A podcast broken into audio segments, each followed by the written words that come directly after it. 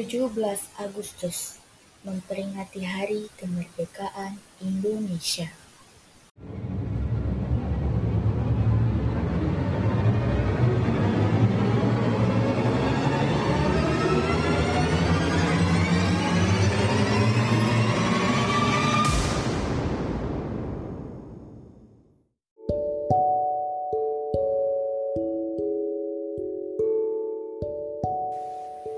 Kemerdekaan pasti memiliki makna yang berbeda bagi setiap orang.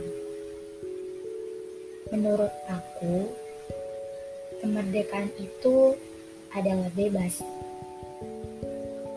Iya, bebas dari penjajah, bebas dari para koruptor, bebas dari kebodohan, bebas berpendapat, bebas dari kriminalitas, dan masih banyak lagi sih sebenarnya.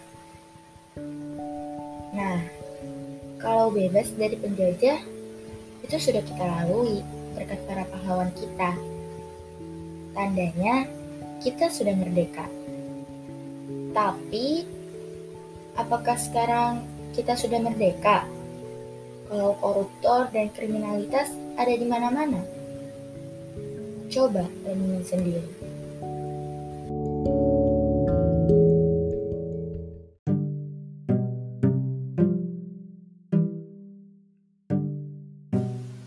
Ngomong-ngomong, kalian bosan gak sih di rumah? Gak bisa ngerayain HUT RI kayak tahun-tahun sebelumnya? Hmm, sama, aku juga. Tapi tenang aja, masih banyak kok lomba-lomba yang bisa kita ikutin secara online yang melatih kreativitas kita juga. Ya, walaupun nggak ada lomba makan kerupuk sih.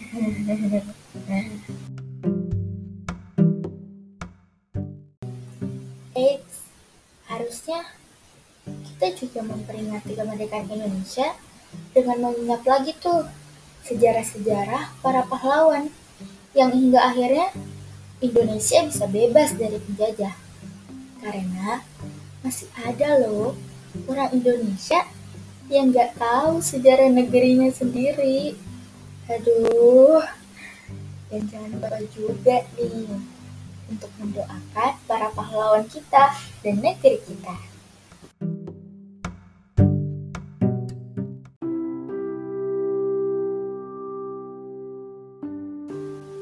Sebagai bangsa Indonesia, kita harus ikut berkontribusi untuk masa depan negeri kita. Berkontribusinya dari sekarang. Bisa kok kita mulai dari hal kecil, seperti gabung sampai sebarangan, belajar yang rajin, jangan sampai bolos sekolah, terus mendukung produk lokal. Sekarang ini udah banyak kok produk lokal, apalagi di masa pandemi orang-orang semakin kreatif untuk membuat produknya. Terus, kita juga harus menjadi pengguna media sosial yang bijak. Jangan sampai nih ya, kalian menyebarkan berita yang sebenarnya kalian sendiri tuh nggak tahu kebenarannya.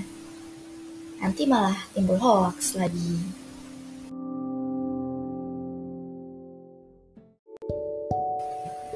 Harapanku buat Indonesia, yang pertama, tetaplah sesuai dengan semboyannya. Berbeda-beda tetapi tetap satu jua. Gak ada lagi yang namanya beda-bedain suku, agama, maupun ras. Kita harus bersatu. Sesuai dengan Pancasila kita yang ketiga. Persatuan Indonesia. Karena persatuan itu indah loh.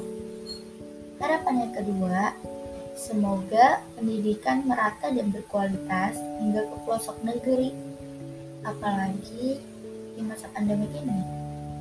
Apakah yang di pelosok masih bisa belajar?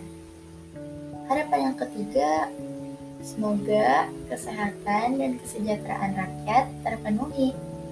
Dan yang paling penting, semoga Indonesia menjadi negara yang adil, yang maju, dan amanah. Amin.